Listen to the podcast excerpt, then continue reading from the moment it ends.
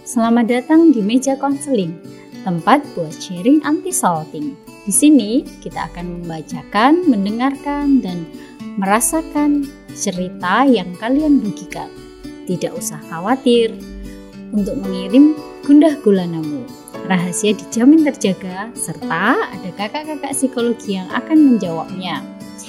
Episode kali ini bersama saya, Putri Saraswati, psikolog yang akan menemani kalian mengulas curhatan terpilih. Kita mulai saja mendengarkan ceritanya ya. Nah, ceritanya begini nih. Saya mau curhat seputar masalah keluarga yang berpengaruh besar kepada kuliah saya.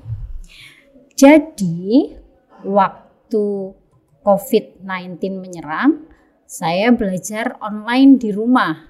Dan di rumah itu banyak trigger yang menyerang.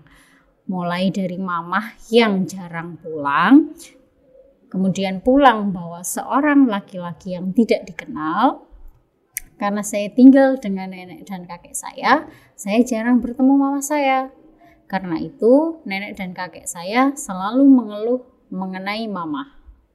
Dikarenakan papa kandung sudah hilang, tanggung jawab, nggak tahu ke mana, di situ saya merasa banyak trigger di rumah, sehingga sampai suatu saat saya tidak kuat dan memutuskan untuk ke psikiater. Nah, di psikiater itu saya didik didiagnosis unspecified bipolar disorder dan saya diberikan obat yang banyak efek sampingnya. Nah, saya minum selama 10 hari dan efek sampingnya benar-benar mati rasa. Di situ saya berpikir untuk mencari alternatif lain, yakni berolahraga untuk coping sementara saya. Karena dalam sehari suasana hati saya bisa berubah-berubah, dan hal itu signifikan terjadi setiap hari. Itu menyiksa bagi saya ketika harus minum obat yang mahal setiap hari dan banyak efek sampingnya. Akhirnya, saya juga menjaga pola makan bersih serta berolahraga. Apabila saya tidak memakan makanan yang bersih dan berolahraga itu, suasana hati saya menjadi kacau dan susah dikendalikan. Nah, akhirnya saya memutuskan untuk pergi ke Malang untuk kos dan meskipun tidak ada triggernya, hal itu terus berlanjut dan lumayan mengganggu perkuliahan saya. Saya selalu menutupi hal ini di depan teman-teman karena menurut saya, saya tidak mau dikasihani dan tidak mau terlihat lemah.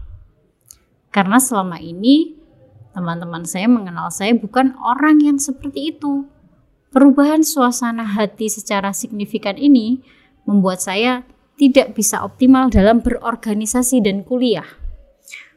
Akhirnya, organisasi saya tinggalkan karena hal ini takutnya saya tidak bisa memenuhi tanggung jawab saya sebagai anggota organisasi. Padahal ingin sekali mengembangkan diri. Sekian cerita dari saya. Oke.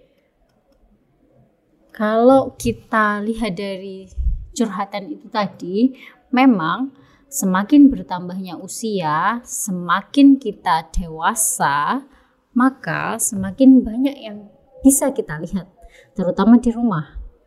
Begitu juga dengan cara kita menilai sesuatu, maka akan semakin kaya dari berbagai sudut pandang. Karena apa? Karena semakin banyak informasi yang kita bisa dapatkan, apalagi dengan mudahnya akses internet. Bisa cek dari berbagai uh, aplikasi sosial media. Nah, karena banyak dan mudah mengaksesnya, informasi yang kita dapat akhirnya kita jadi bisa menilai bahkan membandingkan. Kok dia begitu? Kok aku begini? Kok keluarganya begitu? Kok keluargaku begini? Kok orang tuaku begini? Kok orang tuanya begitu? Harusnya kan begitu, bukan begini. Nah, perbandingan-perbandingan dengan hal yang sempurna akan membuat kita menjadi merasa kurang, merasa kecewa, marah, jengkel, sakit hati, rendah diri, dan banyak rasa lainnya.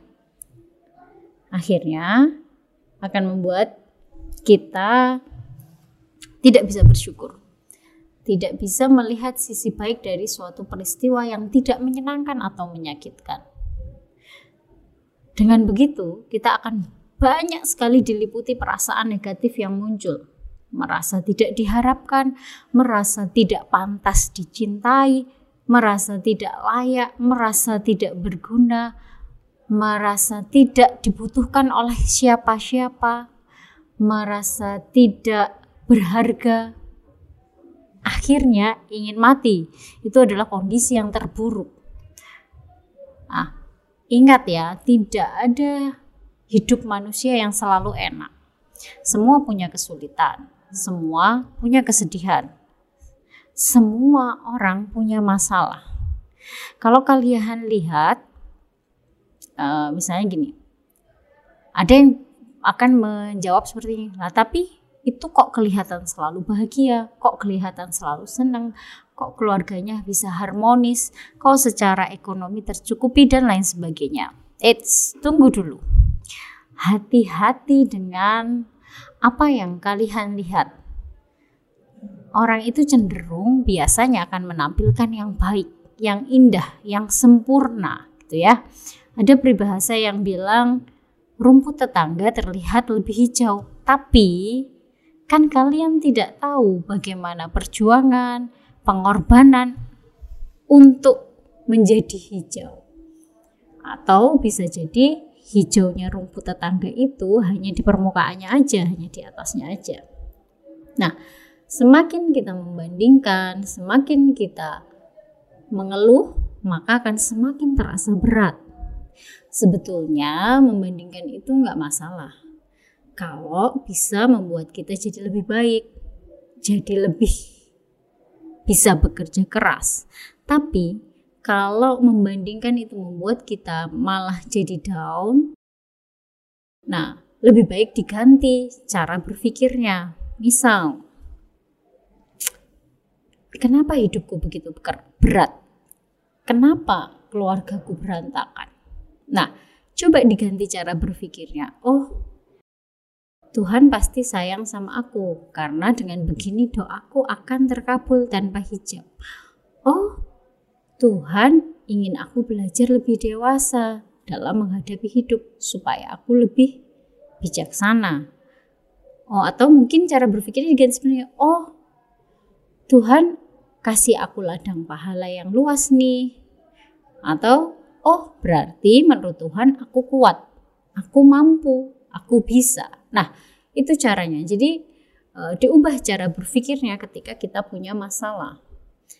Kalau berpikirnya benar, maka masalah akan menjadi tantangan, bukan hambatan. Nah, oke, okay. dengan berpikir seperti itu mungkin bisa hanya sesaat, kemudian ia pasti akan terasa capek, ia pasti akan merasa bosan, rasanya pengen lari, rasanya pengen pergi, itu manusiawi. Tapi jangan lari ke jalan yang salah, yang merugikan diri sendiri atau merugikan orang lain. Misal, lari ke minum-minuman keras, narkoba, kemudian free sex, atau self injury atau kalau bahasa kalian ini yang lagi booming adalah self harm. Jangan lari ke hal-hal yang seperti itu, tapi salurkan dengan kegiatan-kegiatan yang bermanfaat seperti olahraga, belajar gitu ya. Masih banyak lagi kegiatan yang bermanfaat misalnya berbagi di panti asuhan, sekedar mendengarkan cerita di panti jompo. Nah, seperti itu. Tapi ini tidak bisa semudah itu. Kalian harus belajar dulu menyalurkan emosi dengan cara yang tepat, di tempat yang tepat, di waktu yang tepat, dengan orang-orang yang tepat. Baru aktivitas-aktivitas positif ini bisa akan optimal dan bermanfaat. Nah, sekarang gimana caranya mengekspresikan emosi negatif dengan cara yang tepat? Di tempat yang tepat gitu dengan orang yang tepat. Jadi bukan asal asalan. Asal ketemu orang kemudian cerita kemudian mengekspresikan emosi negatifnya. Bukan bukan asal temen yang dicurhatin. Bukan asal orang yang deket dicurhati karena nggak semua orang bisa seperti itu. Berarti harus ke siapa? Ke konselor ke psikolog atau dengan Tuhan, dengan sembahyang, dengan sholat. Nah, bisa juga mengekspresikan emosinya dengan menulis atau membuat puisi atau bernyanyi atau memasak gitu ya atau kegiatan-kegiatan positif lain yang bisa menyalurkan emosi negatif seperti emosi negatif itu seperti marah, jengkel, sakit hati, kecewa gitu ya tanpa melukai diri sendiri atau orang lain. Nah, kalau emosi-emosi negatif tadi sudah diekspresikan dengan tepat, barulah beraktivitas di kegiatan-kegiatan yang bermanfaat tadi. Jadi kegiatannya akan optimal. Eh, prestasinya bisa diraih dengan optimal. Jadi bukan ikut organisasi karena pelarian dari masalah. Begitu. Oke. Uh, jadi closing statement saya adalah setiap orang punya masalah. Semua orang punya kesulitan.